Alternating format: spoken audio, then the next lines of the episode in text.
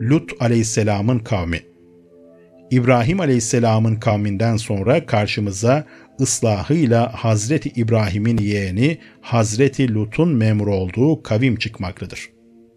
Kur'an-ı Kerim'den öğrendiğimize göre bu kavimde ne Allah'ın varlığını inkar ediyor ve ne de birinci ve ikinci anlamda Allah'ın yaratıcı ve Rab olduğunu yatsıyordu. Bu kavim yalnızca üçüncü, dördüncü ve beşinci anlamıyla rububiyetini ve onun güvenilir temsilcisi sıfatıyla gönderdiği elçisinin risaletini kabul etmiyordu. Onlar kendi nefsi arzularına uygun olarak istedikleri gibi hareket etmek istiyorlardı. İşte asıl suçları buydu ve bu nedenle de azaba müstehak olmuşlardı. Aşağıda zikredeceğimiz Kur'an ayetleri buna şehadet etmektedir.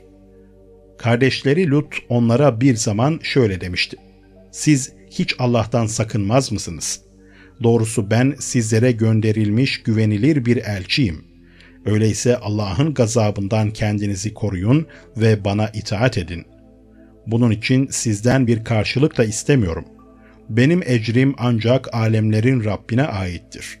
Rabbinizin sizler için yarattığı eşlerinizi bırakıp da insanlardan erkeklere mi yanaşıyorsunuz? Doğrusu siz Allah'ın haddini aşmış, oldukça azgın bir kavmisiniz.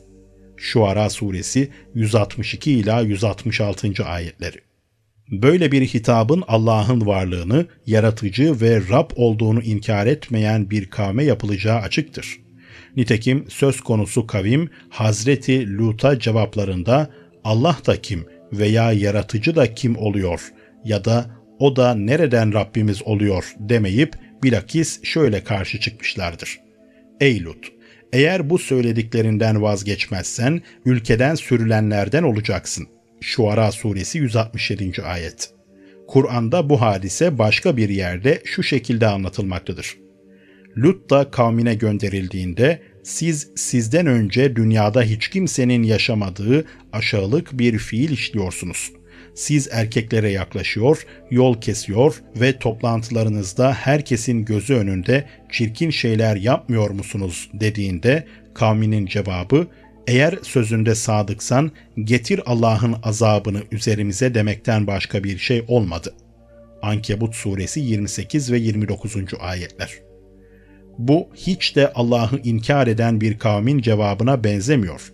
O halde onların sapıtmalarının sebebi Allah'ın uluhiyet ve rububiyetini inkar etmeleri değildir. Asıl sebep tabiat üstü planda Allah'ı ilah ve Rab olarak kabul etmelerine rağmen kendi siyasi, ahlaki ve toplumsal yaşamlarında Allah'a itaat ve onun kanunlarına uymayı yadırgamaları ve gönderdiği elçisinin gösterdiği yolda yürümeye yanaşmamalarıdır. Şuayb aleyhisselamın kavmi Şimdi de Hazreti Şuayb'ın gönderildiği Medyen ve Eyke kavmine bir göz atalım. Bunların Hazreti İbrahim'in soyundan olduklarını biliyoruz. Bu yüzden onların Allah'ın varlığını tanımaması, ilah ve Rab olduğunu kabul etmemesi gibi bir durumun daha başından söz konusu edilemeyeceği aşikardır. Aslında bu kavim köken olarak Müslüman olmasına rağmen daha sonraları akide ve amellerinde sapıklıkların ortaya çıkmasıyla durumları giderek bozulmuştur. Hatta Kur'an'dan anlaşıldığına göre bu kavmin mensupları mümin olduklarını bile iddia ediyorlardı. Nitekim Hazreti Şuayb onlara defalarca eğer siz müminseniz şunları şunları yapmanız gerekir diye hitap etmektedir. Hazreti Şuayb'ın tüm konuşmaları ve kavminin cevaplarından bu kavmin Allah'ı kabul ettiği, onu mabut ve Rab olarak benimsediği ama iki konuda sapıklığa düşmüş olduğu açıkça anlaşılmaktadır. Bunlardan birincisi metafizik manada Allah'tan başkalarını da ilah ve Rab olarak görmeye başlamalarıdır. Bu yüzden ibadetleri sadece Allah'a mahsus değildi. İkincisi ise onlara göre Allah'ın rububiyetinin insanın ahlaki, toplumsal, ekonomik, medeni ve siyasi boyutlarıyla hiçbir ilişkisi yoktu. Bu yüzden biz medeni yaşantımızda özgürüz, ilişkilerimizde istediğimiz gibi davranırız diyorlardı. Aşağıda nakledeceğimiz ayetler bizim bu açıklamalarımızı tasdik etmektedir. Medyen'e de kardeşleri Şuayb'i gönderdik. Onlara şöyle dedi. Ey kavmim! Allah'a ibadet edin. Sizin ondan başka tanrınız yoktur. Rabbinizden size apaçık bir burhan gelmiştir. Öyleyse ölçü ve tartıyı tam tutun. İnsanlara kendi eşyalarında cimrilik yapmayın. Islah edildikten sonra yeryüzünde bozgunculuk çıkarmayın. Eğer siz müminseniz bilin ki bu sizin için daha hayırlıdır. Madem ki içinizde benimle gönderilene inanan bir topluluk ve inanmayan bir topluluk var, öyleyse Allah aramızda hükmünü verinceye kadar bekleyin. O hükmedenlerin en iyisidir. Araf suresi 85 ila 87. ayetler. Ey kavmim, ölçüyü ve tartıyı adaletle tamı tamına yapın. İnsanlara eşyalarını eksik vermeyin. Yeryüzünde bozgunculuk yapıp dolaşmayın. Eğer müminseniz Allah'ın inayetiyle ticaretten kazandığınız size kafidir. Ben sizin bekçiniz de değilim. Kavmi Şuayb'a cevap olarak, Ey Şuayb! namazın bize atalarımızın tapına geldiklerine ibadeti terk etmeyi ya da mallarımızı istediğimiz gibi kullanmayı bırakmayı mı emrediyor? Doğrusu sen aklı başında ve yumuşak huylu birisin dedi. Hud suresi 85 ila 87. ayetler. Namazın bize atalarımızın tapına geldiklerine ibadeti terk etmeyi mi emrediyor ibaresi, onların uluhiyet ve rububiyet konusunda düşmüş oldukları sapıklığı çok açık bir şekilde göstermektedir. Firavun ve Hanedanı Şimdi de hakkında Nemrut ve kavminden daha fazla oranda yanlış kanılar bulunan Firavun ve kavmini ele alalım. Firavun hakkında onun sadece Allah'ı inkarla kalmayıp kendisini Tanrı olarak gördüğü şeklinde bir genel kanı vardır. Yani o herkesin gözü önünde açıkça yerin ve göğün yaratıcısı olduğunu iddia edecek kadar aklını oynatmış ve kavmi de onun bu iddialarına kanacak derecede akılsızdı. Oysa Kur'an-ı Kerim ve tarihteki veriler uluhiyet ve rububiyet noktasında Firavun ve kavminin sapıklığının Nemrud'un ve kavminin yoldan çıkmışlığından pek fazla farkının olmadığı hakikatini gözler önüne sermektedir. Aralarındaki fark yalnız şudur. O ortamda siyasi sebepler dolayısıyla İsrailoğullarına yönelik milliyetçi bir zıtlaşma ve taassuba dayalı bir düşmanlık baş göstermişti.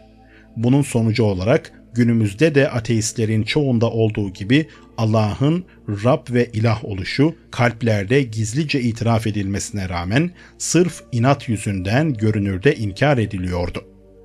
Aslında meselenin özü şudur. Hazreti Yusuf Mısır'da iktidarı ele aldıktan sonra İslam öğretisinin yayılması için tüm gücünü sarf etmeye başlamıştı.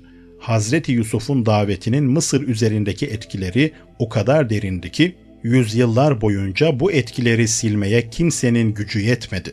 O halde Firavun devrinde bütün Mısır halkı hak din üzere olmasa da Mısır'da herhangi bir kimsenin Allah'ı tanımaması ya da göklerin ve yerin yaratıcısının yalnız o olduğunu bilmemesi mümkün değildi. Sadece bununla da kalmayıp Hazreti Yusuf'un öğretileri her Mısırlı üzerinde en azından metafizik manada Allah'ı ilahların ilahı ve Rablerin Rabbi olarak kabul edecek ve hiçbir Mısırlının Allah'ın uluhiyetini inkar etmeyecek derecede etkisi vardı. Bununla beraber onlardan küfür üzerinde ayak direyenler uluhiyet ve rububiyette Allah'a başkalarını ortak koşuyorlardı. Hazreti Yusuf'un bıraktığı bu etkiler Hazreti Musa'nın peygamberliğine kadar süre gelmiştir. Nitekim bir Kıpti liderin Firavun'un sarayında yapmış olduğu konuşma bunun açık delilidir. Firavun Hazreti Musa'yı öldürmek istediğini açığa vurunca Müslüman olmasına rağmen bunu gizleyen saraydaki Kıptilerin bir reisi dayanamayarak şöyle der. Rabbinizden size apaçık ayetler getirdiği halde Rabbim Allah'tır dediği için mi bu şahsı öldüreceksiniz? Eğer yalancıysa yalanının vebali kendisine. Ama eğer doğru sözlüyse sizi tehdit ede geldiklerinin bir kısmının da olsa başınıza gelebileceğinden sizi sakındırmaktadır. Şüphesiz Allah aşırı yalancıyı doğru yola iletmez. Ey kavmim! Bugün iktidar sizin, Yeryüzünde galip sizsiniz. Ancak eğer yarın Allah'ın azabı gelir çatarsa bize kim yardım eder? Mümin Suresi 28 ve 29. ayetler. Ey kavmim! Nice büyük kavimlerin üzerine gelen o günün size de gelmesinden ve sonunuzun Nuh, Ad, Semud ve onlardan sonra gelen kavimlerinki gibi olmasından korkarım. Mümin Suresi 30 ve 31. ayetler. Daha önce Yusuf da size apaçık burhanlar getirmişti. Onun getirdiklerinden de şüphelenip durmuştunuz. Sonunda Yusuf ölünce Allah ondan sonra elçi göndermeyecek demiştiniz. Mümin Suresi 34. ayet. Ey kavmim! Ne tuhaftır ki ben sizi kurtuluşa davet ettiğim halde siz beni ateşe çağırıyorsunuz. Siz beni Allah'ı inkar etmeye ve bilmediğim şeyleri ona ortak koşmaya çağırıyorsunuz. Mümin Suresi 41 ve 42. ayetler. Bu ayetler Hazreti Yusuf'un üstün şahsiyetinin etkilerinin aradan birkaç yüzyıl geçmesine rağmen hala devam ettiğine açıkça delalet etmektedir. Bu yüce peygamberin öğretisinden etkilenmiş olmaları hasebiyle Mısır halkı Allah'ın varlığından onun ilah ve Rab olarak tabiat güçleri üzerindeki hüküm ve tasarrufundan, gazabından korkulan, rahmetine ümit bağlanan üstün ve kahir bir mabut olduğundan büsbütün habersiz kalmaları mümkün değildi. Son ayetten şu da açıkça anlaşılmaktadır ki bu kavim Allah'ın uluhiyet ve rububiyetini kati bir şekilde inkar etmeyip bunların sapıklığı da diğer kavimlerde açıkladığımız cinstendi. Yani uluhiyet ve rububiyet bağlamında Allah'a başkalarını ortak koşuyorlardı. Firavun meselesinde şüpheleri üzerine çeken bir iki noktayı da burada açıklamamız gerekiyor. Böyle bir şüphe Hazreti Musa'nın biz alemlerin Rabbinin elçisiyiz dediğinde Firavun'un bu alemlerin Rabbi dediğin de nedir diye sorması veziri Haman'a ey Haman bana yüksek bir kule yap belki yollara göklerin yollarına erişirim de Musa'nın Rabbine bir söz atarım Mümin suresi 36 ve 37. ayetlerde böyle demesi Hazreti Musa'yı benden başkasını ilah edinirsen seni hapsederim diye tehdit etmesi, tüm ülkeye en yüce Rabbiniz benim diye ilan ettirmesi ve saray ehline ben sizin için benden başka ilah tanımıyorum diye böbürlenmesi gibi nedenlerden ileri gelmektedir. Bu gibi ibareleri gören insanlar Firavun'un Allah'ın varlığını bile inkar ettiğini, alemlerin Rabbi diye bir şey tanımadığını ve sadece kendisini mabut olarak gördüğü zannına kapılmaktadır. Oysa Firavun bütün bunları aslında katı bir milliyetçiliğe dayalı düşmanlık nedeniyle söylemişti. Hazreti Yusuf zamanında sadece onun üstün kişiliğinin etkisiyle Mısır'da İslam öğretisi yayılmakla kalmamış, iktidarı elinde tutması dolayısıyla da İsrailoğullarının Mısır'daki nüfuzu oldukça artmıştı. Hazreti Yusuf'u müteakiben İsrailoğullarının Mısır'daki nüfuz ve gücü 3-4 asır sonrasına kadar devam eder. Daha sonra İsrailoğulları aleyhine milliyetçi akımlar filizlenmeye başlar. Sonunda iş o noktaya gelir ki İsrailoğulları iktidardan uzaklaştırılır ve Mısırlı milliyetçi bir aile ülkenin dizginlerini eline geçirir. Bu yeni hükümranlar sadece İsraillileri baskı altında tutmak ve onları ezmekle yetinmeyip Yusuf aleyhisselam devrinin tüm etkilerini de tek tek yok ederek kendi eski cahili din ve adetlerini yeniden ihya etmeye çalışmışlardır.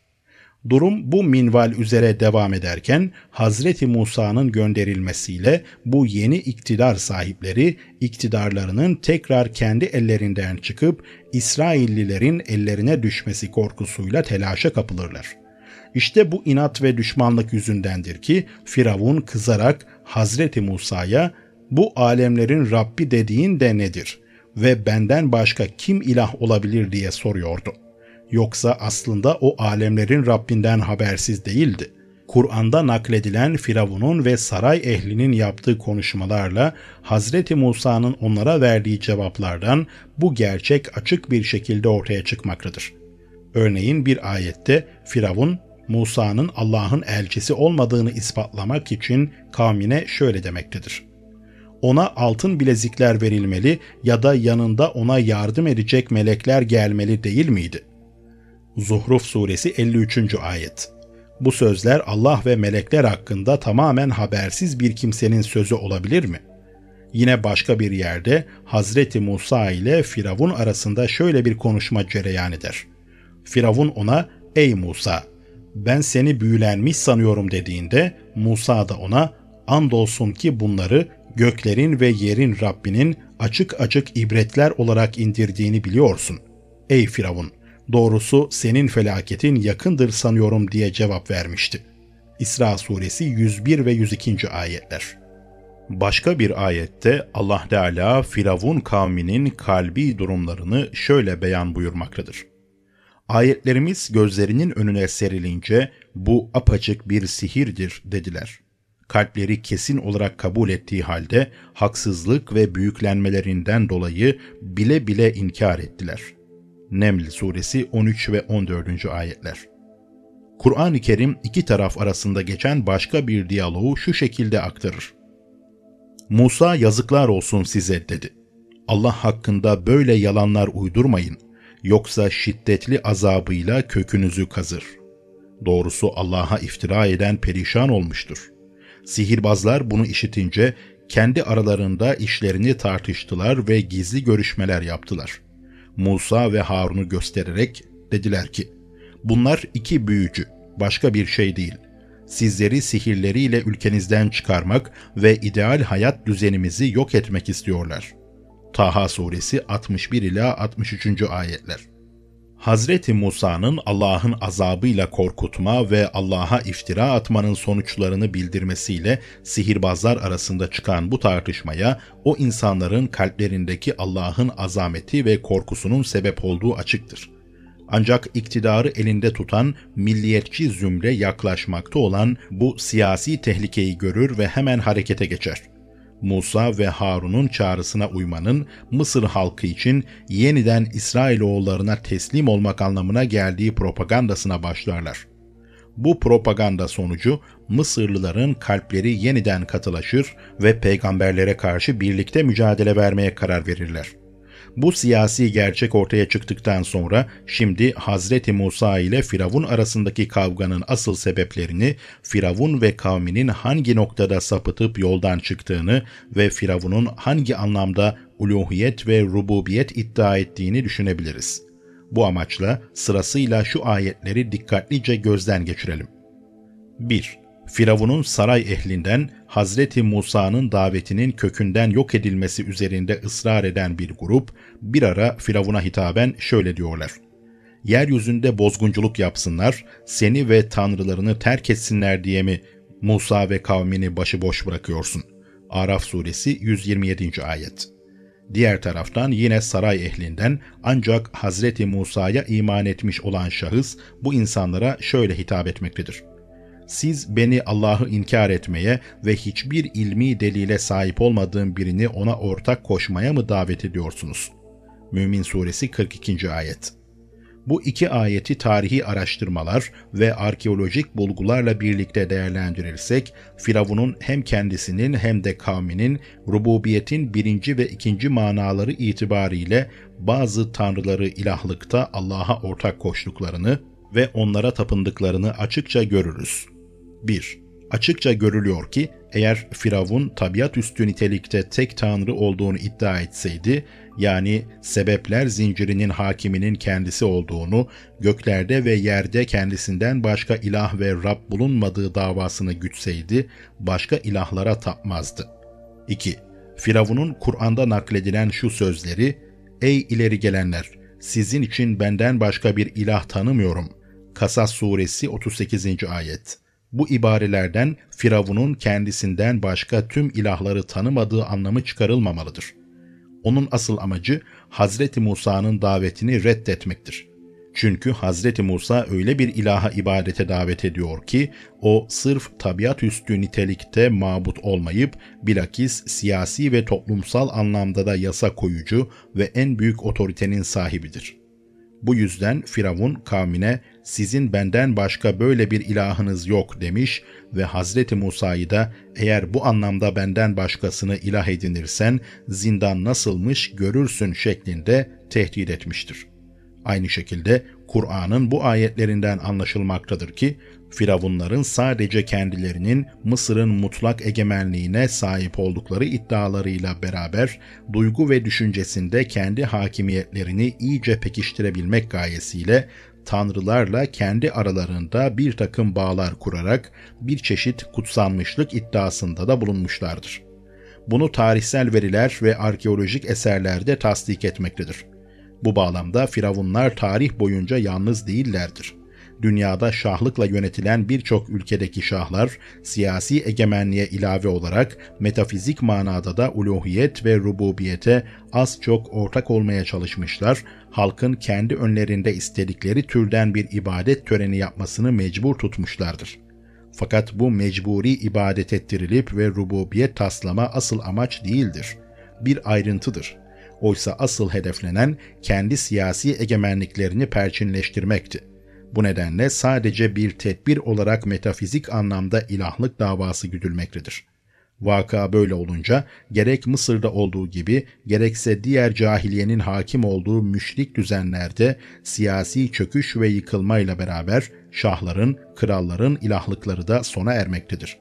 Sonuçta tahta kimler hakim olur ve otoritelerini sağlarsa uluhiyete de onlar sahip olmaktadırlar. 3. Firavun aslında metafizik nitelikte değil de siyasi anlamda ilahlık davası gütmekteydi. O şöyle diyordu. Rububiyetin üçüncü, dördüncü ve beşinci anlamları itibariyle ben Mısır ülkesi ve halkının yüce Rabbiyim. Bu ülke ve tüm kaynaklarının sahibi benim. Buranın mutlak hakimiyet hakkı bana aittir. Burada medeniyet ve toplumun temelini sadece benim merkezi şahsiyetim oluşturur. Bu topraklarda benden başkasının kanunları geçmez. Kur'an'ın ifadesiyle Firavun bu iddialarının temellerini şuna dayandırmaktaydı. Firavun kavmine ''Ey kavmim'' diye seslendi. ''Ben Mısır'ın sahibi değil miyim? Ve bu ırmaklar benim ayaklarımın altından akmıyor mu? Görmez misiniz?'' Zuhruf suresi 51. ayet.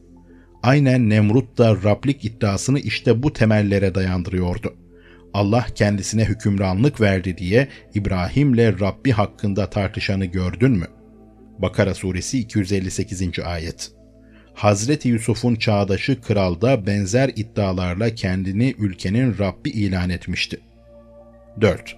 Firavun ve hanedanının Hazreti Musa'nın davetine itiraz ettikleri asıl nokta, Hazreti Musa'nın davetinde alemlerin Rabbi olan Allah'tan başka hangi anlamda olursa olsun başka hiçbir ilah ve Rabbin yer almamasıydı. Hazreti Musa şöyle diyordu.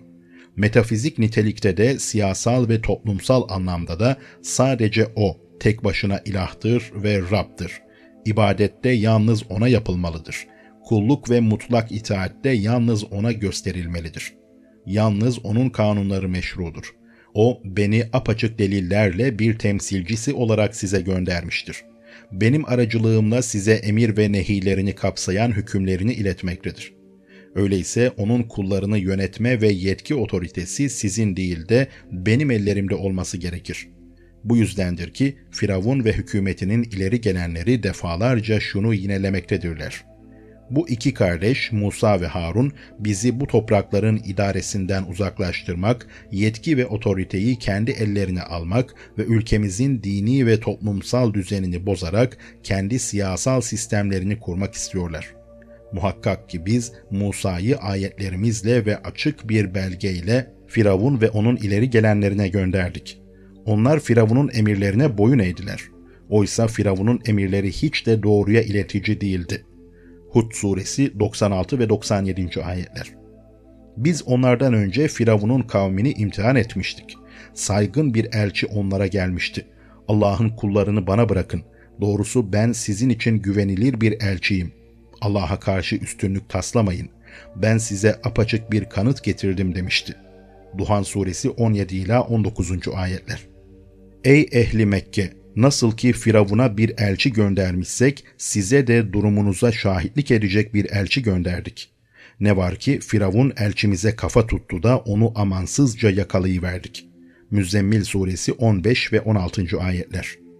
Firavun, ey Musa siz ne tanrıları ve ne de şahlık ve krallık hanedanlarını Rab olarak görmüyorsanız, o halde sizin Rabbiniz kimdir diye sorunca Musa da bizim Rabbimiz her şeye özel bir düzen veren ve sonra ne yapacağını gösterendir demişti. Taha suresi 49 ve 50. ayetler. Firavun bu alemlerin Rabbi dediğin de nedir diye sormuştu da Musa eğer gerçekten inanmak istiyorsanız bilin ki o göklerin, yerin ve her ikisi arasındakilerin Rabbidir diye cevap vermiş, Firavun etrafındakilere işitiyor musunuz demişti. Musa devamla sizin de atalarınızın da Rabbidir deyince Firavun doğrusu size gönderilen bu peygamberiniz hiç şüphesiz delidir demişti.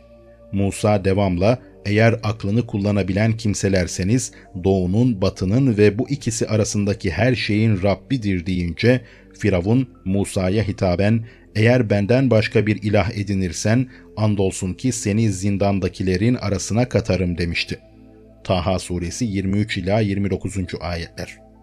Firavun ey Musa büyüyle bizi topraklarımızdan çıkarmaya mı geldin dedi. Taha suresi 57. ayet. Firavun bırakın da Musa'yı öldüreyim dedi. İsterse Rabbini yardıma çağırsın. Onun dininizi değiştirmesinden veya ülkede bozgunculuk çıkarmasından korkuyorum. Mümin Suresi 26. ayet. Bu ikisi sihirbazdırlar. Sihirlerinin gücüyle sizi topraklarınızdan çıkarmak ve sizin örnek olarak seçip benimsediğiniz hayat sisteminizi ortadan kaldırmak istiyorlar. Taha Suresi 63. ayet. Buraya kadar sıraladığımız bütün bu ayetleri dikkatlice gözden geçirirsek, rububiyet konusunda başka dönemlerde ve ülkelerde ülkelerde yaşayıp gitmiş toplumların içine düşe geldikleri sapıklığın karanlık gölgesini Nil Vadisi'nde de görmekteyiz. Yine Musa ve Harun'un memur oldukları insanları çağırdıkları yönünde onlardan önceki bütün peygamberlerin davet ede geldikleri taraf olduğunu ifade edebiliriz. Kur'an'ın çağrısı Buraya kadar sapık kavimlerin batıl inançları bağlamında yapmış olduğumuz incelemeler, başından beri vurgulamak istediğimiz bir gerçeği ortaya koymak içindi. Bu gerçek, en eski devirlerden Kur'an'ın indirildiği çağa kadar Kur'an-ı Kerim'de zalim, fasık ve sapık olarak betimlenen ne kadar kavim varsa onlardan hiçbirisi Allah'ın varlığını inkar etmemiş ve yine hiçbirisi Allah Teala'nın mutlak manada Rab ve ilah olduğunu yatsımamış olmalarıdır. Söz konusu kavimlerin hemen hepsinin asıl sapıklığa düştükleri nokta, bu bölümün başında dil yönünden ve Kur'an'ın delilleri aydınlığında tanımladığımız Rab teriminin yüklendiği beş ayrı anlamı birbirinden bağımsız iki farklı anlam grubuna ayırmalarıydı.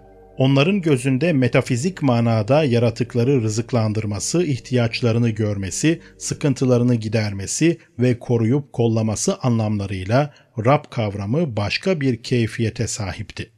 Bu anlayışları itibariyle onlar her ne kadar en yüce Rab olarak sadece Allah'ı kabul etmiş olsalar da melekler, ilahlar, cinler, görünmez güçler, yıldızlar, gezegenler, peygamberler, veliler ve ruhani liderleri de onunla birlikte rububiyete ortak görüyorlardı. Yine Rab kavramının emretme ve nehyetme yetkisine sahip tek merci, egemenliğin tek sahibi, hidayet ve yönlendirme kaynağı, kanun koyucu, ülkenin başkanı ve toplumun merkezi olması şeklindeki anlamı onların gözünde tamamen başka bir niteliğe sahipti. Bu anlayışları nedeniyle onlar teorik planda Allah'ı mutlak otorite, egemen güç anlamlarıyla Rab olarak görüyorlardı. Pratik hayatlarında ise toplumun katında güçlü olan nüfuz sahibi kimselerin ahlaki, siyasi ve toplumsal anlamdaki rububiyetlerini kabul ederek onlara itaat ediyorlar, onların siyasal otoritelerine tabi oluyorlardı. Bu sapıklığı ortadan kaldırmak için Yüce Allah her dönemde değişik toplumlara kendi içlerinden peygamberler göndermiş ve son olarak da bu görev için Hazreti Muhammed'i memur kılmıştır. söz konusu bütün peygamberler insanları şuna davet etmiştir. Bütün anlamları itibariyle Rab sadece bir tanedir. Bu tek Rab ise Allah'tır. Rububiyet bölünmez bir bütündür. Rububiyette hiçbir anlamda hiçbir yaratığın Allah'tan başka hiç kimsenin en ufak payı yoktur. Kainat nizamı tek bir ilahın yaratmış olduğu kamil, külli bir nizamdır. Yine bu nizam üzerinde bir tek ilahın hakimiyeti vardır. Bu nizamda bütün yetki ve güçlerin sahibi de yine o bir tek ilahdır. Bu nizamın yaratılmasında başka bir varlığın herhangi bir şekilde herhangi bir katkısı söz konusu değildir. Bu nizamın yönetim ve idaresinde herhangi bir kimsenin rolü yoktur ve onun hakimiyeti mutlaktır, ortaksızdır. Merkezi otoritenin sahibi olması itibariyle tek bir ilah olan Yüce Allah hem metafizik manada hem de siyasi, ahlaki ve toplumsal manada Rab'dir. Yegane mabudumuz O'dur. O'dur secde ve rükû edilecek olan. O'dur duaların ulaşacağı hedef. O'dur tevekkül ve itimadın destekçisi. O'dur gereksinimlerin kefili. Aynı şekilde padişah da O'dur, mülkün sahibi de. Kanun koyucu da O'dur, emretme ve nehyetme yetkisine sahip olan da. Cehalet nedeniyle insanların birbirinden ayırmış olduğu rububiyetin bu iki özelliği gerçekte uluhiyetin gereği ve ilahın ilah olmasının vazgeçilmez özelliğidir.'' Bu iki özelliği birbirinden ayırmak mümkün değildir. Aynı zamanda bu iki özellikten herhangi birinde herhangi bir yaratığı Allah'a ortak koşmak doğru bir davranış olamaz. Bu çağrıyı Kur'an'ın sunduğu şekliyle bizzat Kur'an'ın dilinden dinleyelim. Gerçekte sizin Rabbiniz gökleri ve yeri altı günde yaratan, sonra da arşa istiva eden Allah'tır.'' O geceyi durmaksızın kendisini kovalayan gündüze bürüyüp örten, güneşe, aya ve yıldızlara kendi buyruğuyla baş eğdirendir. Haberiniz olsun, yaratmak da, emir de yalnızca O'nundur. Alemlerin Rabbi olan Allah ne yücedir. Araf suresi 54. ayet Göklerden ve yerden sizi rızıklandıran kimdir? Kulaklara duyma, gözlere görme gücü veren kimdir?'' Kimdir ölüyü diriden, diriyi de ölüden çıkaran? Kimdir bu alem nizamını yürüten, çekip çeviren diye sor onlara. Allah diyecekler. O halde artık sakınmaz mısınız de. Bütün bunları o yapmıyorsa o halde sizin gerçek Rabbiniz sadece Allah'tır. Öyleyse haktan sonra geriye sapıklıktan başka ne kalır? O halde nasıl oluyor da haktan döndürülüyorsunuz?'' Yunus suresi 31 ve 32. ayetler. O gökleri ve yeri hak üzere yaratmıştır.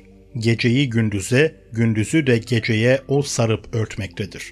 Her biri belirli bir ecele doğru akıp giden güneşi ve ayı da kendi kanunlarına tabi kılmıştır. İşte budur Rabbiniz olan Allah. Hükümranlık ancak O'nundur.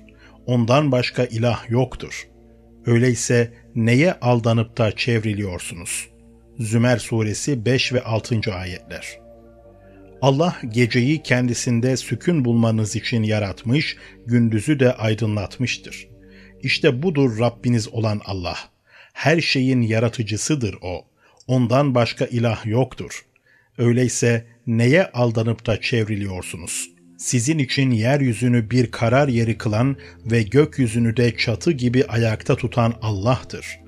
O sizleri biçimlendirmiş, biçimlerinizi de en güzel kılmış ve güzel şeylerle rızıklandırmıştır. İşte budur Rabbiniz olan Allah. Alemlerin Rabbi Allah'ın bereketi ne yücedir. O diridir. Ondan başka ilah yoktur. Öyleyse dini ona has kılarak Allah'a dua edin. Mümin Suresi 61 ila 65. ayetler. Allah sizi topraktan yarattı geceyi gündüzle, gündüzü de geceyle perdelemektedir. Her biri belirlenmiş eceline kadar akıp giden güneşi ve ayı kendi kanunlarına tabi kılmıştır. İşte budur Rabbiniz olan Allah. Hükümranlık yalnız O'na mahsustur. Onu bırakıp da tapmakta olduğunuz diğer varlıkların zerre kadar bile yetkisi yoktur. Onları çağırsanız çağrınızı duymazlar. Duysalar bile isteklerinizi karşılamaya güçleri yetmez. Kıyamet gününde ise sizin onları Allah'a ortak koşmanızı kendileri reddederler. Fatır Suresi 11 ila 14. ayetler. Göklerde ve yerde bulunanların hepsi O'nundur ve O'nun emrine boyun eğmiştir. Size kendi nefislerinden bir örnek veriyor. Size bahşetmiş olduğumuz rızıkların mülkiyetinde size kölelerimizden ortak birisi var mı? Bu rızıkların kullanımı ve tasarrufunda sizinle köleleriniz eşit mi? Onlardan kendi denklerinizden korktuğunuz kadar korkuyor musunuz? İşte biz aklını kullanabilen bir kavim için hakikate erdirici delilleri açıkça beyan ederiz. Ancak zalimler hiçbir ilimleri olmaksızın asılsız görüşler peşinden giderler. Öyleyse sen dosdoğru, hakiki din yolunda sabit kadem ve Allah'ın tüm insanları onun üzerine yarattığı fıtrat üzere ol. Allah'ın yaratışı değiştirilmesin. İşte budur doğru ve güzel yol. Ancak insanların çoğu bilmezler. Rum suresi 26 ila 30. ayetler. Onlar Allah'ın azamet ve yüceliğini gereği ve layıkı veçiyle takdir edemediler. Oysa kıyamet günü yerin bütünüyle onun avucunda ve göklerin de sağ elinde dürülüp bükülmüş olduğunu göreceklerdir. O onların şirk koşmakta olduklarından münezzeh ve yücedir. Zümer suresi 67. ayet. Öyleyse hamd sadece göklerin Rabbi, yerin Rabbi ve alemlerin Rabbi Allah'a mahsustur. Göklerde ve yerde ululuk da yalnız O'na aittir. O her şeye galip, hüküm ve hikmet sahibidir. Casiye suresi 36 ve 37. ayetler. O göklerin, yerin ve her ikisi arasındakilerin malikidir. Şu halde ona ibadet et ve ona ibadette sabırlı ve metanetli ol onun adıyla anılan adaş birisini biliyor musun? Meryem Suresi 65. Ayet Göklerin ve yerin tüm gizli hakikatleri Allah'ın ilmindedir. Bütün işler O'na döndürülür.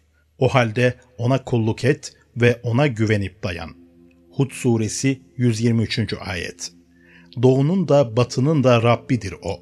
Ondan başka hiçbir ilah yoktur. Öyleyse yalnızca O'nu vekil tut.'' Müzzemmil Suresi 9. Ayet Gerçek şu ki sizin bu ümmetiniz tek bir ümmettir. Ben de sizin Rabbinizim. Şu halde yalnızca bana kulluk edin. Ama insanlar rububiyet ve kulluk meselesini aralarında paylaştılar. Oysa onların hepsi sonunda bize döneceklerdir. Enbiya suresi 92 ve 93. ayetler. Rabbinizden size indirilene uyun.'' Onu bırakıp da başka velilere uymayın. Araf suresi 3. ayet. De ki, ey kitap ehli, bizimle sizin aranızdaki şu ortak bir kelimeye gelin. Ne Allah'tan başkasına kulluk edelim, ne ona herhangi bir şeyi ortak koşalım ve ne de Allah'ı bırakıp da kimimiz kimimizi Rabler edinelim. Ali İmran suresi 64. ayet. De ki, sığınırım insanların Rabbine insanların malikine, insanların mabuduna. Nas suresi 1 ila 3. ayetler. Kim Rabbine kavuşmayı umuyorsa artık salih bir amelde bulunsun ve Rabbine ibadette hiç kimseyi ortak koşmasın. Kehf suresi 110. ayet. Bu ayetler arka arkaya okununca açıkça görülmektedir ki Kur'an rububiyeti tamamıyla hakimiyet ve egemenlikle eş anlamda tutmakta ve Rabbin kainatın mutlak sultanı, ortaksız sahibi ve hakimi olduğu şeklinde bir düşünceyi gözlerimizin önüne sermektedir. Bu özelliğiyle o bizim ve tüm kainatın rızıklandırıcısı, terbiyecisi ve ihtiyaçlarının gidericisidir.'' Bu özelliğiyle o bizim kefilimiz, yardımcımız ve güveneceğimiz tek varlıktır. Bundan dolayı ona karşı vefalı ve sadık olmak bizim toplumsal yaşam tarzımızın sağlıklı bir şekilde üzerine oturduğu tabii temeldir. Onun merkezi otoritesine bağımlılık bütün farklı birey ve gruplar arasında tek bir ümmet bağını ortaya çıkarmaktadır. Bu özelliğinden dolayı o bizim ve tüm mahlukatın kulluk, itaat ve ibadetine müstehaktır. Bu özelliğindendir ki o her şeyin maliki, efendisi ve hakimidir. Cahiliyedeki Arap halkı ve dünyadaki tüm cahiliye toplumları her devirde olduğu gibi günümüzde de bu kapsamlı rububiyet düşüncesini beş ayrı rububiyete bölmek gibi büyük bir yanlışlığın içine düşmüşlerdir. Kendi zanlarınca bu farklı rububiyetlerin çeşitli varlıklarda olabileceği hatta olduğu görüşünde karar kılmışlardır. Ancak Kur'an-ı Kerim güçlü delilleriyle kainatın bu mükemmel merkezi nizamında egemenliği elinde bulunduran yüce Rab yerine başka bir varlığın herhangi bir rububiyet işini belirli bir derecede elinde bulundurmasının imkansızlığını ispat etmektedir. Her çeşit rububiyetin kainat düzenini oluşturan tek bir Allah'a mahsus olduğuna bizzat bu düzenin merkeziliği şehadet etmektedir.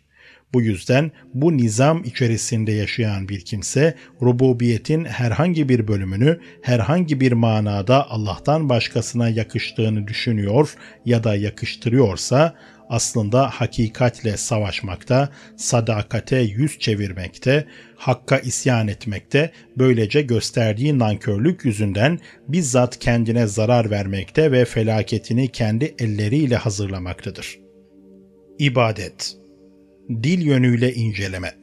Arap dilinde ubude, ubudiye, abdiye kelimelerinin asıl manası boyun eğmek ve alçalmaktır. Yani herhangi bir kişi önünde ona karşı hiçbir direniş göstermeden, isyana kalkışmadan ve yüz çevirmek sizin istediği hizmeti yerine getirmektir.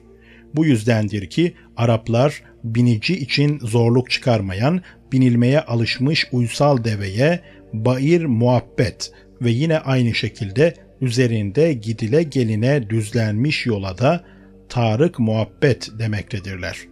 Sözcüğün bu kök anlamından kölelik, itaat, tapınma, hizmetçilik, bağlama ve engel manaları türemiştir. Nitekim Arap dilinin en büyük sözlüğü olan Lisanül Arap'ta bu kelime hakkında yapılan açıklamanın özeti şu şekildedir. Abd, köle, herhangi bir kimsenin malı olan kişiye nispet edilir ve hür kelimesinin karşıtıdır. Hadis-i şerifte şöyle buyurulmaktadır. Üç kişi vardır ki kıyamet gününde ben onlardan davacı olurum. Bunlardan birisi herhangi bir hür kimseyi köleleştiren ya da bir köleyi azat ettikten sonra ona köle muamelesi yapan kişidir. Hazreti Musa aleyhisselam da Firavun'a şöyle demişti ve işte başıma kalktığın nimette İsrailoğullarını köleleştirmenden ibaret. Şuara suresi 22. ayet. 2. Tam manasıyla boyun eğerek itaat etmeye ibadet denilir. Biz ancak sana ibadet ederiz, yani biz sana tam manasıyla boyun eğerek itaat ederiz. İyyâke na'budu ve iyyâke nesta'in biz ancak sana ibadet ederiz, yani biz sana tam manasıyla boyun eğerek itaat ederiz. Firavun, Musa ve Harun'un kavmi bizim kölemizdir derken onların kendi emirlerine boyun eğip itaat ettiğini kastetmişti. Herhangi bir padişaha kayıtsız şartsız itaat eden bir kişi onun kölesidir. İbni Enbari şöyle demektedir. Filan kimse köledir demesi o kişinin kendi sahibine boyun eğmesi ve onun emirlerine itaat etmesi manasına gelir. 3. Teabbüden kelimesinden kastedilen mana herhangi bir kimsenin kulu olmak, ona tapınmaktır. Şair şöyle demektedir. Görüyorum ki mal cimriler yanında tapılacak ölçüde kutsanmıştır. 4 abdühü kelimesiyle kastedilen bir şeyin başka bir şeye bağımlı olması ve ondan ayrılmaması, onu sıkıca kavrayıp bırakmamasıdır. 5. Eğer herhangi bir kimse başka birine gitmekten vazgeçerse, o şöyle der. Herhangi bir şey seni bana gelmekten alıkoydu. Bu açıklamalardan anlaşılmaktadır ki, abd kökünün asıl manası herhangi bir kimsenin üstünlüğünü kabul ederek ona karşı kendi özgürlük ve bağımsızlığından vazgeçmek, isyan ve mukavemeti bırakıp itaate hazır olmaktır. Gerçekte kulluk ve kölelik de ancak budur. Bu nedenle abd sözcüğü söz konusu olduğunda herhangi bir Arap'ın kafasında şekillenen iki düşünce kölelik ve kulluk düşüncesidir. Sonra kölenin asıl vazifesi efendisine itaat ve emrine uymak olduğu için kulluk ve kölelik manasıyla birlikte itaat düşüncesi de ister istemez akla gelmektedir. Ayrıca herhangi bir köle efendisine kulluk ve itaat etmekle kalmayıp onun üstünlüğüne inanır, büyüklüğünü itiraf eder, kendisine yaptığı iyilik ve ihsanlara karşı şükran borcu içerisinde olduğunu düşünürse, bu tavrıyla efendisine saygı ve tazimde aşırıya gitmiş ve ona çeşit çeşit kulluklarda bulunmuş olur. Onun bu eylemine tapınma denir. Köle sadece başıyla değil, kalbiyle de efendisi önünde boyun eğerse gerçek anlamda kulluk yapmış olur. Geriye kalan üstünlüğünü benimseme ve minnet duymak düşünceleri ise kulluğun tali anlamlarını kapsar, asıl ve temeli olan itaat ve boyun eğmek anlamlarını değil. Kur'an'da ibadet kavramının kullanımı dil yönünden yapmış olduğumuz bu incelemeden sonra Kur'an-ı Kerim'e yöneldiğimizde bu yüce kitapta söz konusu kelimenin çoğunlukla ilk üç manasının köle, itaat ve kulluğun kullanılmış olduğunu görüyoruz. Bazen birinci ve ikinci manalar köle ve itaat birlikte kullanılırken kimi ayetlerde sadece ikinci manası bazen de sadece üçüncü manasıyla kullanılmaktadır. Bazı durumlarda ise kavramın her üç manası birden kastedilmektedir. 1. Kölelik ve itaat manasında ibadet. İbadet kavramının birinci ve ikinci manalarıyla ilgili misaller şunlardır. Sonra Musa ve kardeşi Harun'u ayetlerimizle ve apaçık bir delille Firavun ve önde gelen çevresine gönderdik. Ancak onlar büyüklük tasladılar şu iki adamın kavmi bize kölelik ederken şimdi biz kalkıp bizim gibi iki insana mı inanacağız dediler. Müminun suresi 45 ila 47. ayetler. Firavun'un çocukluğundan beri besleyip büyütmekten bahisle Hazreti Musa'yı nankörlükle suçlaması üzerine Hazreti Musa şöyle dedi. Başıma kalktığın bu nimet İsrailoğullarını köle kılmandan ötürüdür. Şuara suresi 22. ayet. Bu iki ayette kastedilen mana kölelik, itaat ve emirlere uymaktır. Firavun, Musa ve Harun'un kavmi bizim kölemizdir demişti. Yani bizim kölemiz ve emirlerimize itaat edenlerdir demek istemişti.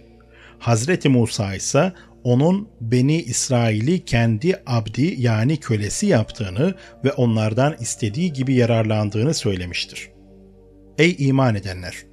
Eğer siz bana ibadet ediyorsanız size bağışlamış bulunduğumuz temiz şeylerden yiyin ve Allah'a şükredin.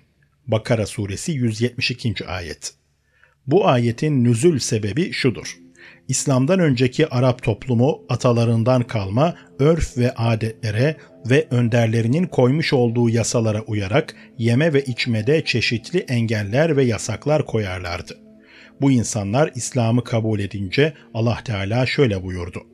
Eğer siz bana ibadet ediyorsanız bütün o eski yasakları kaldırın ve benim size helal ettiklerimizi hiçbir sakınca görmeden yiyin için. Bunun manası açıkça şudur.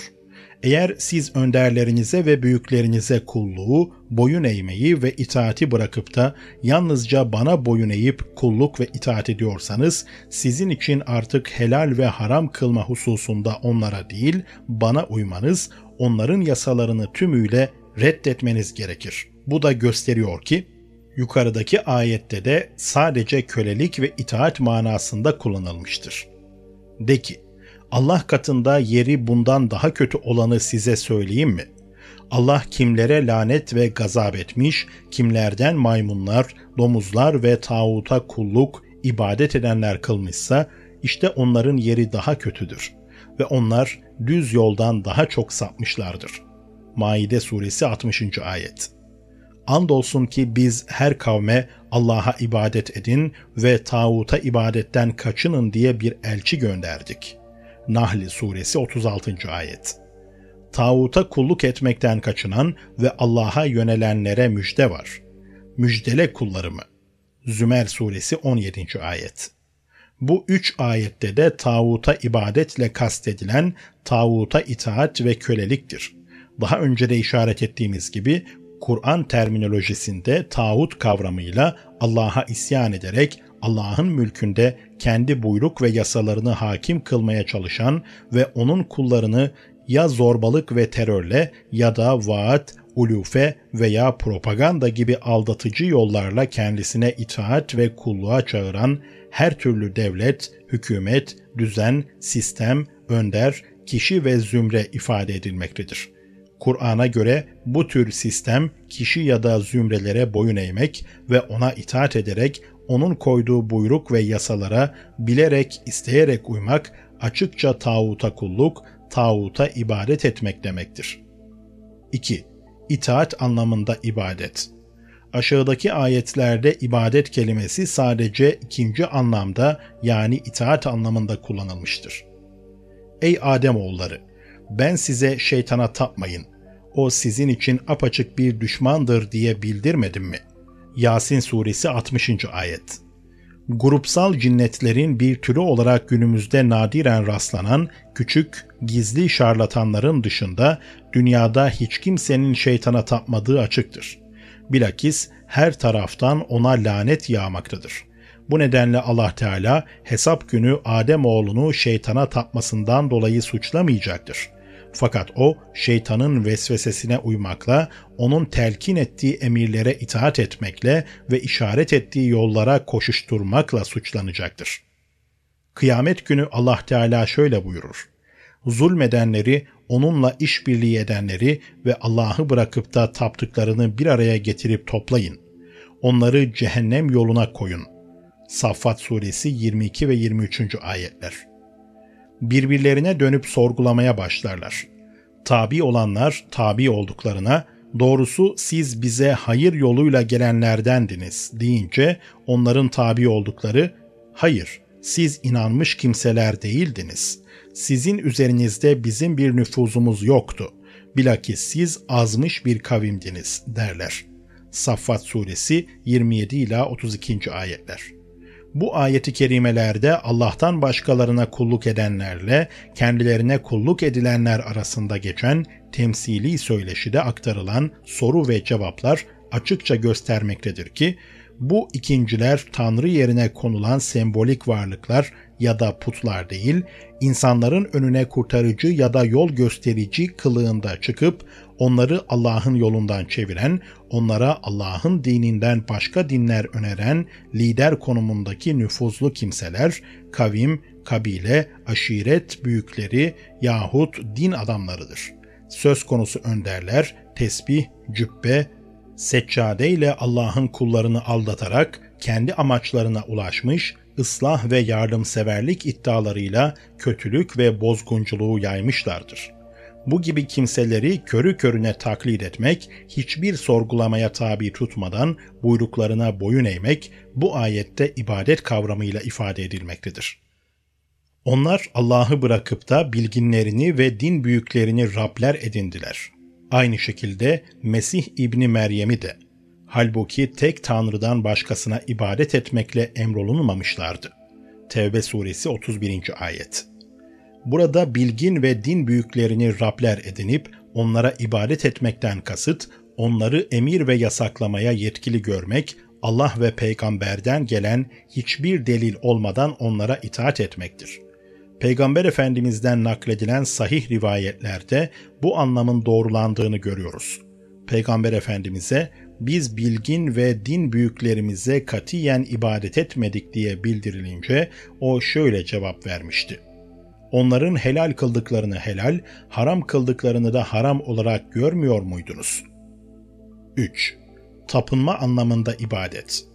Şimdi ibadet kavramını tapınma anlamındaki üçüncü anlamıyla ifade eden ayetleri inceleyelim.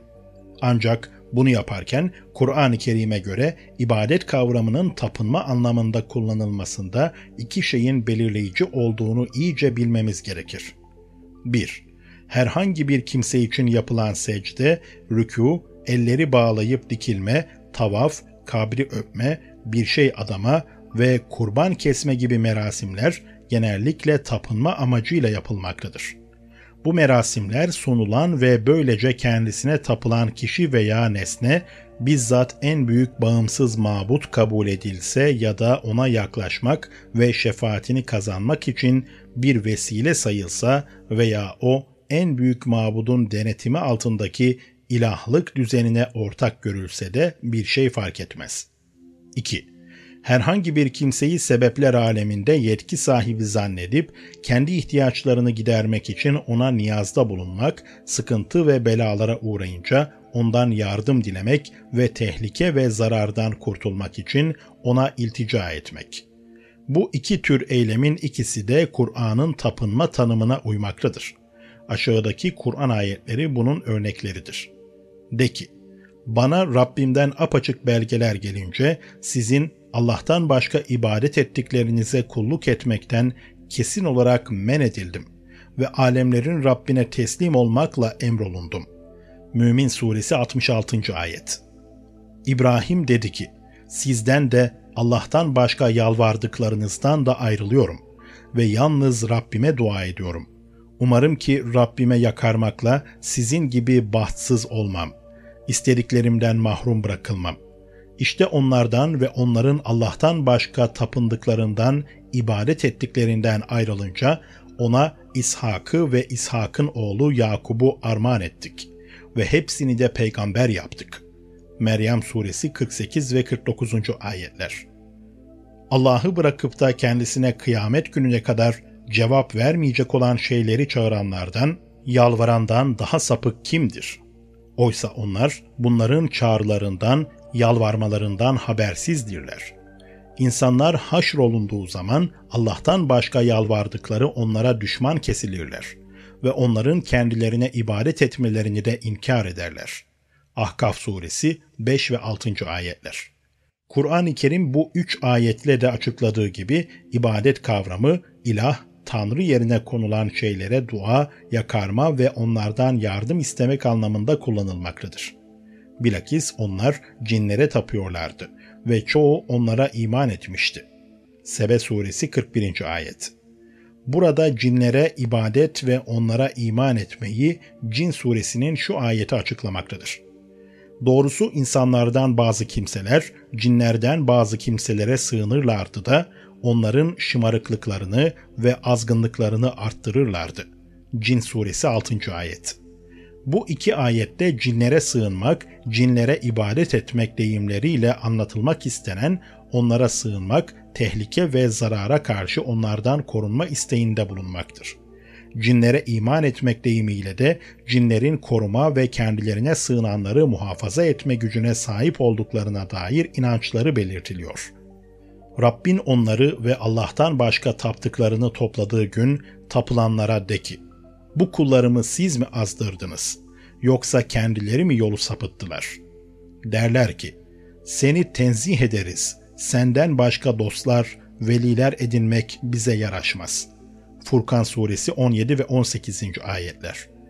Bu ayetin üslubundan açıkça anlaşılmaktadır ki, mabutlar ibaresiyle veliler ve salihler kastedilmektedir onlara ibadet etmek teriminden maksatsa onları kulluk sıfatından yüce, ilahlık sıfatlarıyla muttasıf görüp gaybi yardım, hacetleri görme, yardıma koşmaya, kadir zannetme ve tapınma derecesine ulaşacak derecede onlar için saygı ve tazim ifade eden amellerde bulunmaktır. O gün hepsini bir araya toplar. Sonra meleklere bunlar size mi tapıyorlardı, ibadet ediyorlardı diye sorar.'' Onlar da seni tenzih ederiz. Bizim velimiz sensin. Onlarla bir bağımız, bağlantımız yok bizim. Hayır, onlar cinlere tapıyorlardı. Çokları onlara inanıyorlardı. Sebe suresi 40 ve 41. ayetler. Bu ayette meleklere ibadet etmekten gaye, melekler için türbe, ziyaretgah ve hayali heykeller yaparak onlara tapmaktır. Bu tapınma yoluyla onları razı ederek onların inayet ve himmetlerini elde etmek, böylece dünyaya yönelik işlerinde onların yardımını kazanmak amaçlanmaktadır. Allah'ı bırakıp da kendilerine ne zarar ne de fayda verebilenlere ibadet ederler. Ve bunlar Allah katında bizim şefaatçilerimizdir derler. Yunus suresi 18. ayet. Allah'ı bırakıp da başkalarını veli, dost edinenler, biz bunlara ancak bizi Allah'a yaklaştırmaları için ibadet ediyoruz derler. Zümer suresi 3. ayet. Bu ayetlerde de ibadetten kasıt tapmaktır ve tapınma gayesi de açıklanmaktadır. 4. Kulluk, itaat ve tapınma manasında ibadet. Yukarıda verdiğimiz örneklerden açıkça anlaşılmaktadır ki ibadet kavramı Kur'an-ı Kerim'de bazen kulluk ve itaat manasında bazen de sadece itaat manasında kullanılmaktadır. İbadet kavramının söz konusu üç manasını da bünyesinde toplayan örneklere geçmeden önce kafalarımızda iyice yerleştirmemiz gereken önemli bir nokta var. Yukarıda naklettiğimiz tüm ayetlerde Allah'tan başkalarına ibadet anlatılmaktadır. Söz konusu ayetlerde ibadet kavramıyla kulluk ve itaat kastediliyor mabutsa ya şeytandır ya da Allah'ın kullarını Allah'a değil kendisine itaat ve kulluk ettirerek tağutlaşan asi insan veya Allah'ın kitabını bir tarafa bırakarak kendi uydurduğu usullerle halkı yöneten önder ve liderlerdir. İbadetin tapınma anlamıyla kullanıldığı ayetlerde ise mabut ideolojiler ve yönlendirmeler sonucu mabutlaştırılan veli, nebi ve salihlerle sırf yanlış anlama nedeniyle metafizik anlamda rububiyete ortak koşulan melek ve cinler veya şeytanın ivası yoluyla tapınma odağı haline gelen hayali güçlerin put ve resimleridir. Kur'an bütün bu mabut türlerini değil mi ki onlara kulluk ya da itaat ediliyor veya tapılıyor, batıl olarak nitelemekte ve onlara ibadetin sapıklık olduğunu bildirmektedir. Kur'an'ın ifadesi şudur. Sizin bu ibadet ede geldiğiniz mabutlarınız hepsi Allah'ın kulu ve kölesidir. Ne onların ibadet edilmeye hakları vardır ve ne de onlara ibadet etmekle elinize hüzün, zillet ve rezillikten başka bir şey geçer. Gerçekte onların ve tüm kainatın maliki sadece Allah'tır tüm yetkiler onun elindedir. Bu yüzden bir tek Allah'tan başka hiç kimse ibadet edilmeye layık değildir. Allah'ı bırakıp çağırdıklarınız, yalvardıklarınız da sizin gibi kullardır. Eğer doğru sözlü kimselerseniz onları çağırın da size cevap versinler bakalım. Allah'tan başka çağırdıklarınız ne size ve ne de kendilerine herhangi bir yardımda bulunmaya güç yetirebilirler. Araf suresi 194 ila 197. ayetler. Rahman çocuk edindi dediler. O bu yakıştırmadan münezzehtir. Hayır, melekler şerefli kılınmış kullardır. Onlar sözle bile olsa onun önüne geçmezler ve ancak onun emriyle amel ederler. Allah onların zahirlerini de batınlarını da bilir. Onlar Allah'ın hoşnut olduğundan başkasına şefaat edemezler onun korkusuyla titrerler. Enbiya suresi 26 ila 28. ayetler. Onlar Rahman'ın kulları olan melekleri de dişi ilahe saydılar. Zuhruf suresi 19. ayet. Onlar cinlerle Allah arasında bir soy bağı kurdular. Oysa andolsun ki cinler de kendilerinin hesap yerine götürüleceklerini bilirler. Saffat suresi 158. ayet. Mesih de mukarreb, Allah'a en yakın melekler de Allah'a kul olmaktan asla çekinmezler. Kim ona kulluktan çekinir ve büyüklük taslarsa bilsin ki o hepsini huzurunda toplayacaktır. Nisa suresi 172. ayet. Güneş ve ayın hareketleri bir hesaba göredir. Yıldızlar ve ağaçlar onun buyruğuna boyun eğerler, secde ederler. Rahman suresi 5 ve 6. ayetler yedi gök ile yeryüzü ve bunların içinde bulunan ne kadar varlık varsa hepsi onu tesbih eder. Onu hamd, övgüyle tesbih etmeyen hiçbir şey yoktur.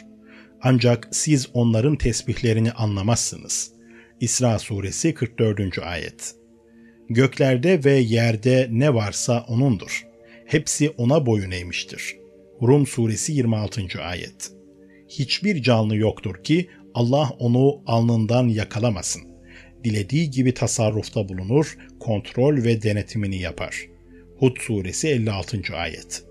Göklerde ve yerde olan her şey Rahman'a baş eğmiş kul olarak gelecektir.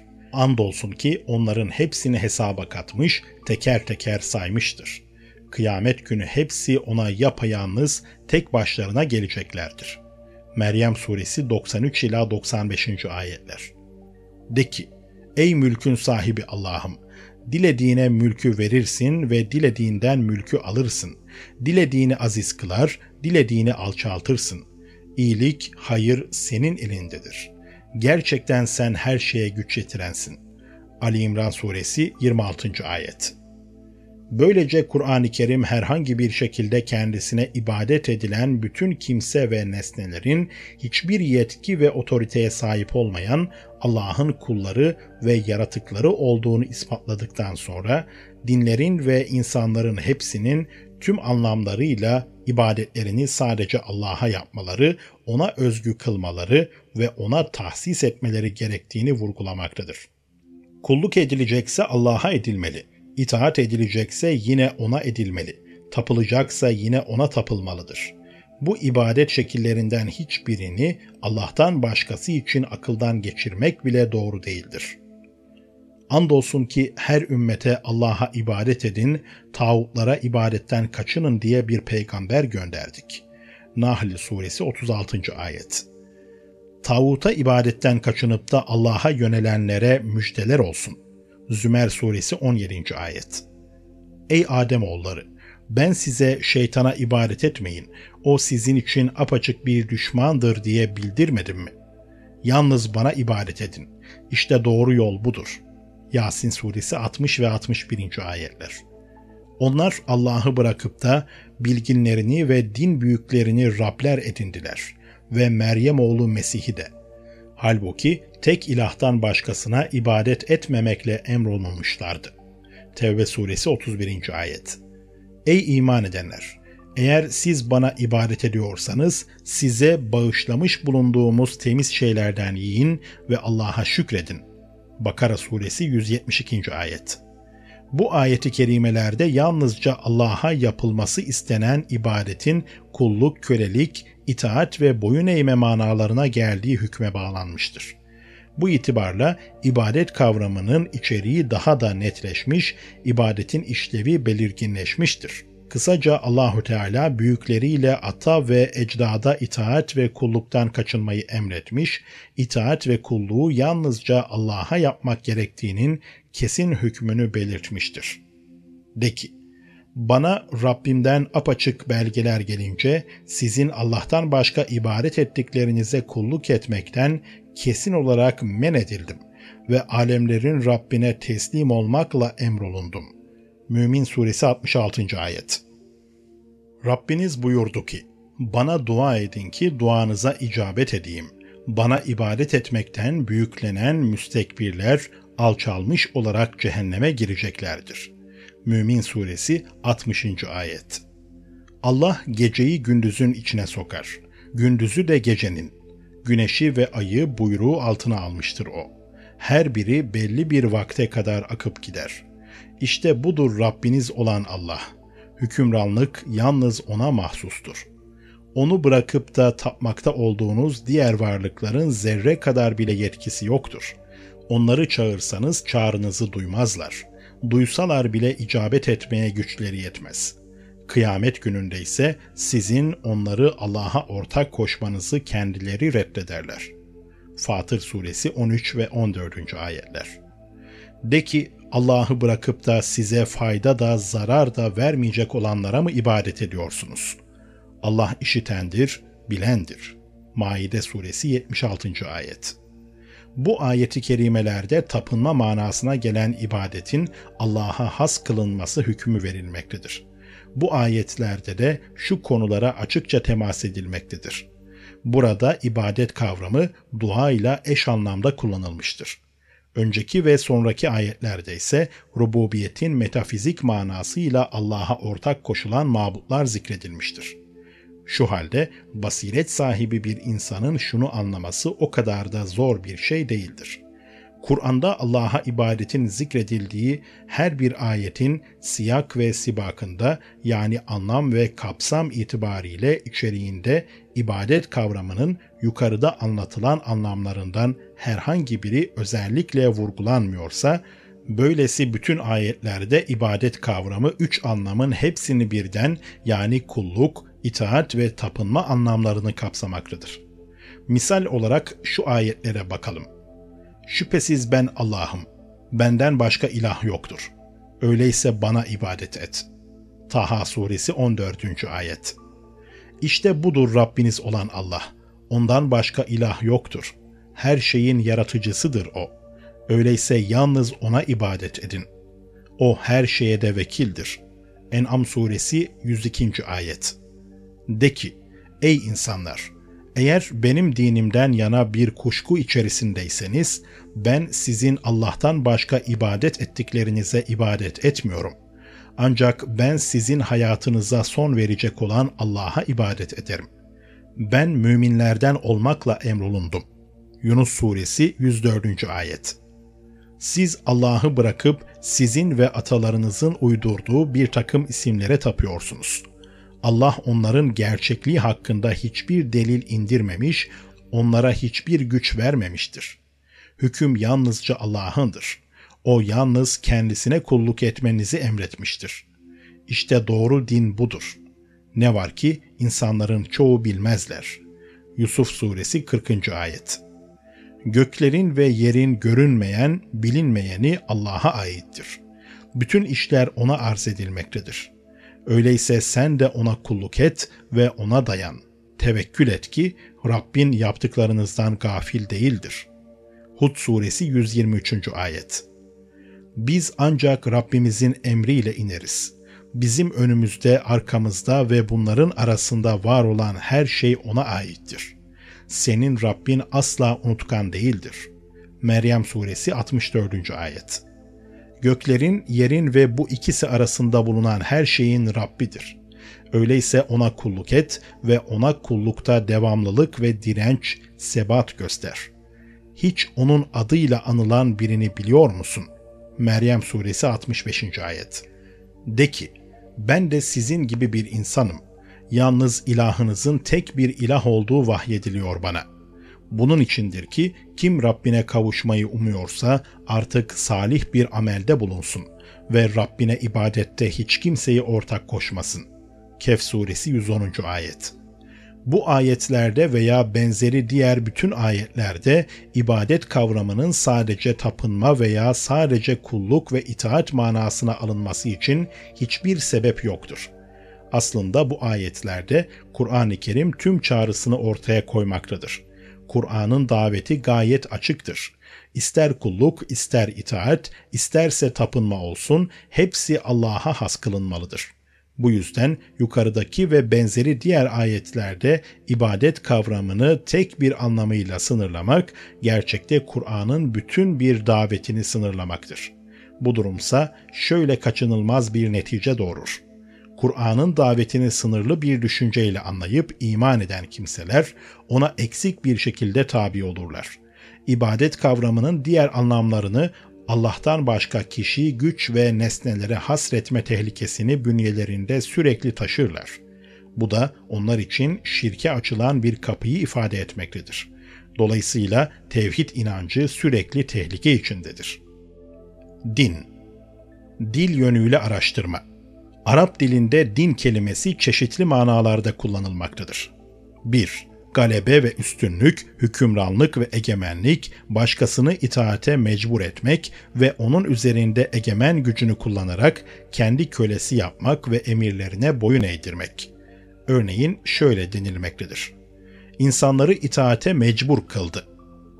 Ben onları yendim ve bana tabi oldular.''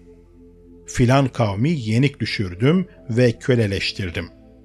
Filanca kimse izzet güç sahibi oldu. Onu hoş görmediği bir işi yapmaya mecbur ettim. Filanca şahıs hoşlanmadığı bir işi yapmaya zorla mecbur tutuldu. Ben ona emrimi dinlettim ve boyun eğdirdim. Ben insanların idaresi ve hükümranlığını falan şahsa bıraktım. Bu anlamda Hutayye annesini muhatap tutarak şöyle demektedir. Çocukların işi sana verilmişti. Sonunda onları undan da ince yapıp bıraktım. Hadiste şöyle buyurulmaktadır. Akıllı kişi nefsini yenen ve ahireti için faydalı işler yapan kimsedir. Bu mana itibariyle deyyan tabiri Arapçada herhangi bir ülke, kavim ya da kabileye galip gelip onları hükmü ve fermanı altına alan kişi için kullanılır. Nitekim Aşel Hirmazi Peygamber Efendimiz'e seslenerek şöyle demektedir. Ey insanların efendisi ve Arapların hakimi, reisi, yöneticisi. Yine bu manayla bağlantılı olarak nitekim Ahtal şöyle demektedir. Kendisi büyüyüp yetişti ve kucağında bir cariye çocuğu yetiştirdi. Kur'an'da ise şöyle buyurulmaktadır. Eğer siz gerçekten kimsenin hükmü altında kulu ve tabisi değilseniz, bu iddianızda da sadıksanız, ölmekte olanları ölümden niye kurtaramıyorsunuz? Çıkmakta olan canı neden geri çeviremiyorsunuz? Vaka suresi 86 ve 87. ayetler. 2. İtaat, kulluk, hizmet, herhangi bir kimseye boyun eğme, bir kimsenin emrine amade olma, herhangi bir kimsenin üstünlük ve kahrından korkarak onun karşısında zilleti kabul etme. Nitekim Araplar şöyle demektedir. Onları yendim ve bana tabi oldular. Ben falan şahsa hizmet ettim. Bir hadisi şeriflerinde Yüce Peygamber şöyle buyurmaktadır ben Kureyş'i kabul etmeleri durumunda tüm Arap halkının emirleri altına gireceği ve boyun eğeceği bir kelimeye tabi kılmak istiyorum. Bu mana itibariyle itaat etmiş, boyun eğmiş bir kavme kavmun deyinun denilmektedir. Ayrıca din kelimesi havariç hadisinde de bu anlamda kullanılmıştır.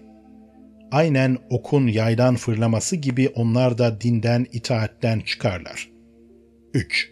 Şeriat, kanun, yol, mezhep ve millet, adet ve gelenek. Örneğin şöyle denilmektedir.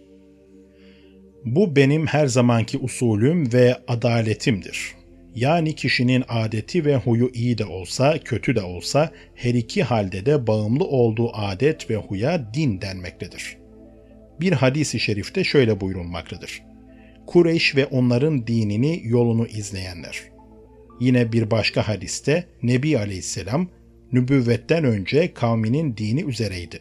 Yani nikah, talak, miras ve benzeri diğer medeni ve toplumsal meselelerde kavmi içerisinde geçer olan, uygulanan adet ve kurallara uyuyordu.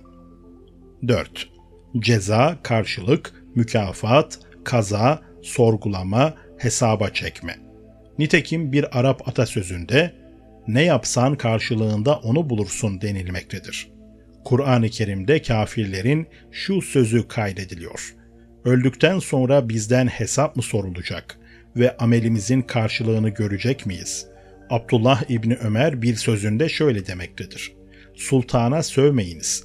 Eğer mutlaka bir şey söylemeniz gerekirse, ey Allah'ım onların bize davrandığı gibi sen de onlara davran deyiniz.'' Sözcüğün bu anlamıyla deyyan, kadı ve mahkeme hakimi anlamına gelmektedir. Nitekim bir büyüğe Hazreti Ali hakkında sorulunca şöyle demişti. Peygamber sallallahu aleyhi ve sellem'den sonra bu ümmetin en büyük kadısı, deyyanı oydu. Kur'an'da din kavramının kullanılışı bu incelemelerden din kavramının temelinde dört düşünce olduğu, başka bir ifadeyle bu kavramın bir Arap'ın kafasında dört temel düşünceye tercümanlık ettiği ortaya çıkmaktadır. 1. Sulta ya da otorite sahibinin elinde tuttuğu kudret, hakimiyet, üstünlük, güç. 2. Sulta ya da otoriteye boyun eğen bir kimsenin ortaya koyduğu itaat, tapınma ve kulluk. 3 uyulan ve itaat edilen sınırlar, kurallar, kanunlar ve izlenen yollar. 4. Muhasebe, sorgulama, hüküm verme, ceza, karşılık ve mükafat. Bu anlamlardan bazen biri, bazen de diğeri için Arap halkı çeşitli nedenlerle din kelimesini kullanıyordu. Ancak bu dört temel anlayışla ilgili Arap düşüncesi tam manasıyla açık ve oturmuş olmadığından bu kavramın yerli yerinde kullanılıp kullanılmadığı belirsizdi. Bu nedenle sözcük belli bir düşünce sistemini tamamlayacak terminolojik bir değer, bir düşünce sistemini tamamlayacak, bu nedenle sözcük belli bir düşünce sistemini tamamlayacak terminolojik bir değer kazanamamış, işlevsel bir kavram düzeyine ulaşamamıştı. Kur'an-ı Kerim din kavramını kendi öğretisi için uygun görerek onu oldukça açık ve belirgin anlamlarda kullanmaya başladı ve kendi özgün terminolojisine kattı.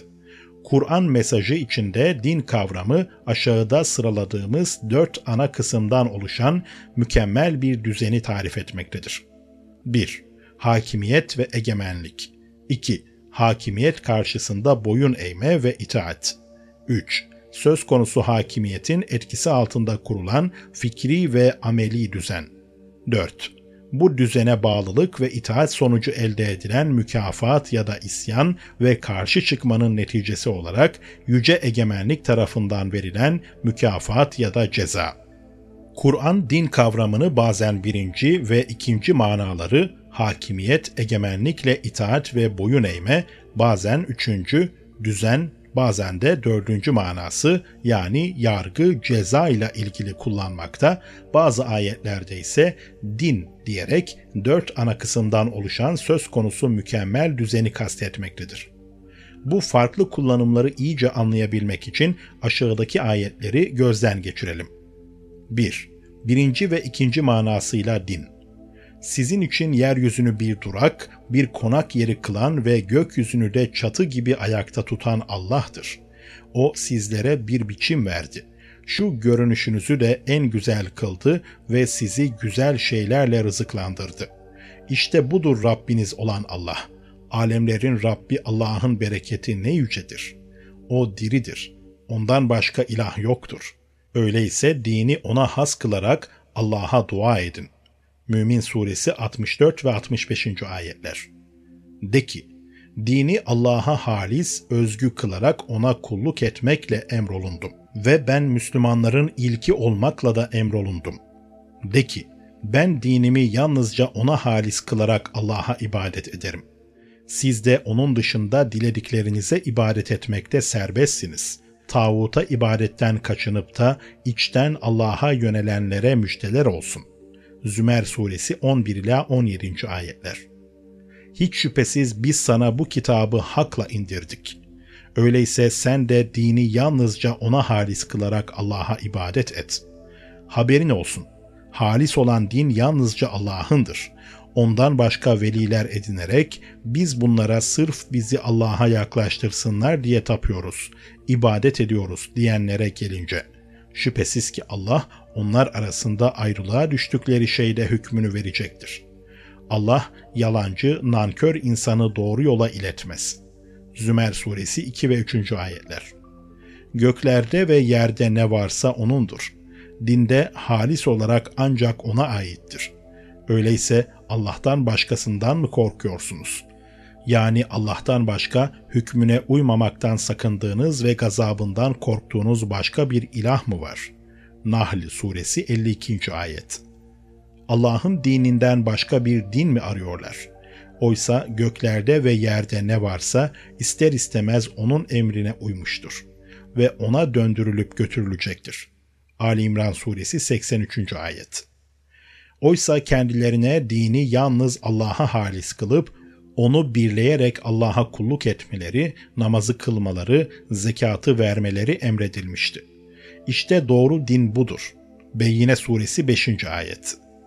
Bütün bu ayetlerde din kavramı yine egemenlik ve bu egemenliği kabul ederek ona itaat etmek ve kulluk yapmak anlamında kullanılmıştır. Allah'a dini halis kılmanın manası şudur. Kişi Allah'tan başkasının hakimiyet, egemenlik ve hükümranlığını reddederek itaat ve kullukta kimseyi ona ortak koşmaksızın itaat ve kulluğunu yalnızca Allah'a halis kılmalıdır. 2. Dinin üçüncü anlamıyla kullanılışı. De ki, ey insanlar! Eğer benim dinimden yana bir kuşku içerisindeyseniz, ben sizin Allah'tan başka ibadet ettiklerinize ibadet etmiyorum. Ancak ben sizin hayatınıza son verecek olan Allah'a ibadet ederim. Ben müminlerden olmakla emrolundum ve yüzünü dosdoğru dine çevir ve sakın müşriklerden olma diye emredildi bana. Yunus suresi 103 ve 104. ayetler. Hüküm yalnızca Allah'ındır. O kendisinden başkasına kulluk etmemenizi emretmiştir. Dost doğru olan din işte budur. Ancak insanların çoğu bilmezler. Yusuf suresi 40. ayet. Göklerde ve yerde bulunanların hepsi O'nundur ve O'nun emrine boyun eğmiştir. Yaratmayı başlatan O'dur. Sonra tekrarlayıp sürdüren de O. Çünkü bu O'nun için çok kolaydır. Göklerde ve yerde en yüce mesel O'nundur. O azizdir, hakimdir. Size kendi nefislerinizden bir örnek veriyor. Size verdiğimiz rızıklarda sizin ellerinizin altında bulunan köleler, hizmetçilerden sizinle eşit derecede yönetim hakkına sahip olan, birbirinizin hakkına dokunmaktan çekindiğiniz gibi onların hakkına dokunmaktan çekindiğiniz ortaklar var mı? Ki tutup kendi mülkümüzde, saltanatımızda bize ortaklar atfediyorsunuz. Kendi kullarımızı, yarattıklarımızı bize eş koşuyorsunuz. İşte biz aklını kullanan bir toplum için ayetleri böyle açıklıyoruz. Hayır, zulmedenler bilgisizce keyiflerine uyarlar. Allah'ın şaşırttığını, Allah'ın gönderdiği hidayete uymadığı için düştüğü sapıklığında terk ettiği kimseleri kim yola getirebilir?'' onların hiçbir yardımcıları yoktur. Sen yüzünü Allah'ı birleyici olarak doğruca dine çevir. Allah'ın yaratma kanununa uygun olan dine dön ki insanları ona göre yaratmıştır. Allah'ın yaratması değiştirilemez. İşte doğru din odur. Fakat insanların çoğu bilmezler. Rum suresi 26 ila 30. ayetler. Zina eden kadın ve erkeğin her birine yüzer değnek vurun. Eğer Allah'a ve ahiret gününe iman ediyorsanız onlara Allah'ın dinini uygulama konusunda sizi bir acıma tutmasın. Nur suresi 2. ayet. Gerçek şu ki Allah katında ayların sayısı gökleri ve yeri yarattığı günden beri Allah'ın kitabında 12'dir. Bunlardan dördü haram aylardır. İşte budur dosdoğru olan din. Tevbe suresi 36. ayet. İşte biz Yusuf için böyle bir düzen hazırladık. Yoksa hükümdarın dinine göre kardeşini yanında alıkoyamazdı. Yusuf suresi 76. ayet. Yine bunun gibi onların ortakları müşriklerden çoğuna çocuklarını öldürmeyi süslü gösterdi. Bu hem onları helake düşürmek ve hem de dinlerini yozlaştırmak içindi. En'am suresi 137. ayet. Yoksa onların kendilerine Allah'ın izin vermediği dine benzer kanunlar yapan bir takım ortaklar mı var? Şura suresi 21. ayet. Sizin dininiz size, benim dinim de bana. Kafirun suresi Kafirun suresi 6. ayet. Bütün bu ayetlerde din kelimesiyle kastedilen mana, kanun, kural, şeriat, yol ve insanların yaşamını ona bağımlı olarak sürdürdüğü düşünce ve hayat nizamıdır. Eğer bir kimsenin bir takım kanun ve kurallara uyarak tabi olduğu egemenlik Allah'ın egemenliği ise o kişi Allah'ın dinindedir. Yok eğer bu egemenlik herhangi bir despotun, bir kralın, bir şefin egemenliği ise kişi o despotun, kralın, şefin dinindedir. Eğer egemenlik herhangi bir ruhban sınıfın elindeyse kişi onların dinindedir.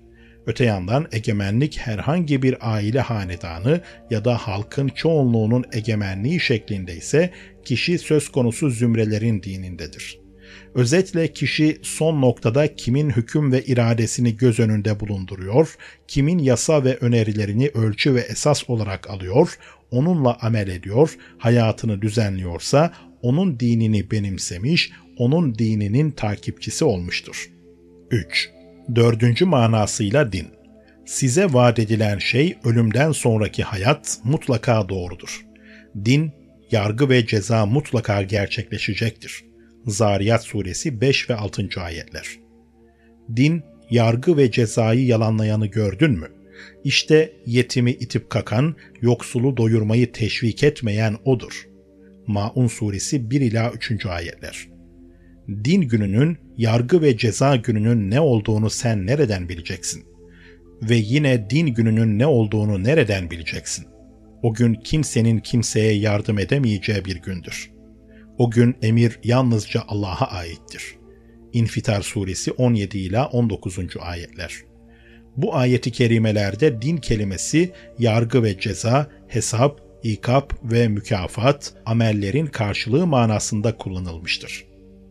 4. En genel kavram olarak din. Buraya kadar Kur'an-ı Kerim'de din kavramının Arap halkının günlük konuşmalarında kullandığı manalara oldukça yakın bir manada kullanıldığını gördük.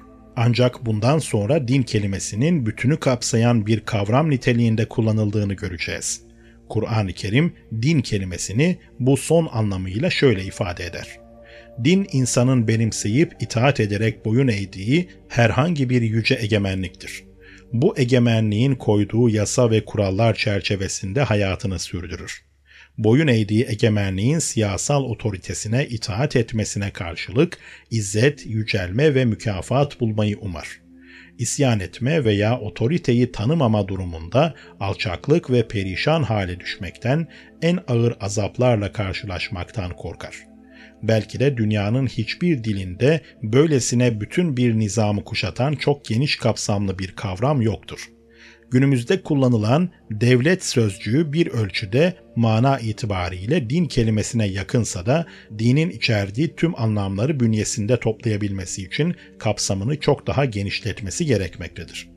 Aşağıdaki ayetlerde din kelimesi kelimenin birbirini tamamlayan dört anlam boyutunu egemenlik, itaat ve boyun eğme, kural, yasa ve düzen, yargı ve ceza hepsine birden işaret etmektedir kendilerine kitap verilen kimselerden tek yüce hakim sıfatıyla Allah'a ve yargı, hesap ve ceza günü sıfatıyla ahiret gününe inanmayan, Allah'ın ve Resulünün haram kıldığını haram tanımayan ve hak dini İslam'ı din olarak benimsemeyenlerle onlar küçük düşüp kendi elleriyle cizye vermeye razı oluncaya kadar savaşın.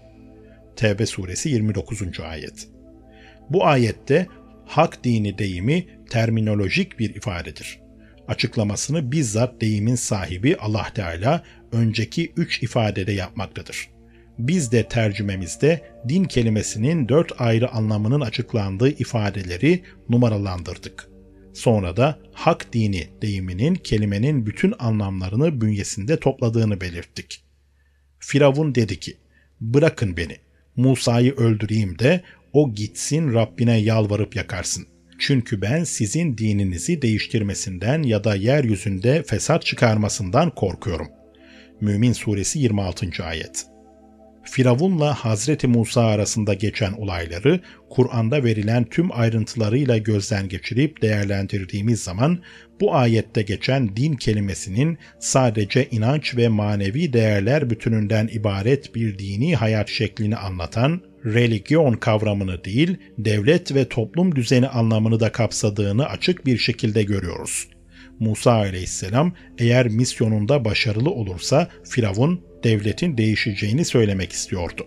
Bu takdirde firavunların hakimiyet ve egemenliği bitecek, devrin yürürlükteki yasa ve gelenekleriyle sürdürülen hayat nizamı kökünden sökülecek, bütün bunların yerine yeni yasa ve geleneklerin üzerinde yükselen yepyeni bir nizam kurulacaktır. Bir ikinci ihtimal ise ülkede nizam intizam kalmayacak, hiçbir düzen olmayacak, bütün bir ülke huzursuzluğun, kargaşanın içine düşecektir.'' Allah katında din hiç şüphesiz İslam'dır. Ali İmran suresi 19. ayet. Kim ki İslam'dan başka bir din ararsa onun dini asla kabul edilmez ve bu kimse ahirette kaybedenlerden olacaktır. Ali İmran suresi 85. ayet. Müşrikler istemese de o hak dini bütün dinlere üstün kılmak için peygamberlerini hidayetle gönderdi. Tevbe suresi 33. ayet fitne kalmayıncaya ve din bütünüyle Allah'ın oluncaya kadar onlarla savaşın. Enfal suresi 39. ayet. Allah'ın yardımı ve fethi geldiği ve insanların dalga dalga Allah'ın dinine girdiklerini gördüğün zaman Rabbini hamd ile tesbih et ve ondan mağfiret, bağışlanma dile. Çünkü o tevbeleri çok kabul edendir. Nasr suresi 1 ila 3. ayetler. Bütün bu ayeti kerimelerde din kelimesi itikadi, nazari, ahlaki ve ameli boyutlarıyla topyekün mükemmel bir hayat nizamını ifade etmektedir. İlk iki ayette insan için Allah katında kabul gören ve yegane hayat nizamının yalnızca ve sadece Allah'a itaat ve kulluğa dayanan hayat nizamı İslam olduğu belirtilmektedir. Temelleri Allah'tan başka bir egemen gücü mutlak otorite olarak görmeye ve bu otoriteye itaate dayanan başka bir nizamın kainatın sahibi yanında kabul görmesi kesinlikle mümkün değildir.'' bu eşyanın tabiatına, evrensel varoluşun ilkelerine, fıtrata aykırıdır. Çünkü insanı yaratan ve rızıklandıran, mülkünde onu rayye sıfatıyla barındıran Allah'ın kendi egemenliğinin dışında başka bir egemenliğe boyun eğip itaat ve kulluk ederek hayat sürdürülmesini, başka kişi, kurum ve otoritelerin yönlendirmesini ve bu doğrultuda hareket edilmesini normal görmesi olacak şey değildir.'' Üçüncü ayette Allah'ın Resulleri aracılığıyla insanoğluna gerçek ve doğru hayat nizamı olarak İslam dinini gönderdiği ifade ediliyor. Yine bu ayette elçilerin görevinin insanlara İslam'ı, bu doğru ve gerçek hayat nizamını tebliğ etmek ve bu dinin diğer bütün nizamlara, dinlere galip gelip yeryüzünde hakim olması için her türlü çaba ve gayreti sarf etmesi gerektiği buyurulmaktadır. Dördüncü ayette İslam dinine tabi olanlara yeryüzünde fitnenin yani Allah'a isyan esasına dayalı bütün nizamların kökü kazınıncaya ve itaat ve kulluk nizamı olarak yalnız Allah'ın düzeni yeryüzüne hakim oluncaya kadar savaşmaları emredilmektedir. 5. ayette ise 23 sene aralıksız süren çaba ve gayret sonucunda Arap toplumunda toplumsal bir devrimin başarıyla gerçekleştiği anlatılıyor. İslam artık itikadi, fikri, ahlaki, siyasi, medeni, iktisadi, sosyal ve psikolojik tüm boyutlarıyla uygulanmaya koyulmuştur. İslam otoritesinin hakim olmasıyla da Araplar her köşe ve bucaktan dalga dalga gelerek Allah'ın nizamına katılmaktadır. Ve nihayet bu ayet Allah Resulü'nün bütün bu gelişmelerden görevinin tamamlandığı bir dönemde indiriliyor.'' Aynı şekilde bu ayette Muhammed sallallahu aleyhi ve selleme memur edildiği vazifesini başarıyla yerine getirmesinden dolayı gurura kapılmaması gerektiği, noksan sıfatlardan münezzeh, ayıplardan uzak ve kamil zatın sadece Allah olduğu uyarısı yapılmaktadır. Bu muhteşem misyonun başarılması nedeniyle Peygamber Efendimizin Allah Teala'ya tesbih, hamd ve senada bulunması gerektiği hatırlatılmakta, Hazreti Peygamber'den 23 yıllık hizmet döneminde görevini yerine getirirken kendisinden sadır olan hamlık ve noksanlıklardan sana sığınırım diyerek Yüce Allah'tan af ve mağfiret talebinde bulunması istenmektedir.''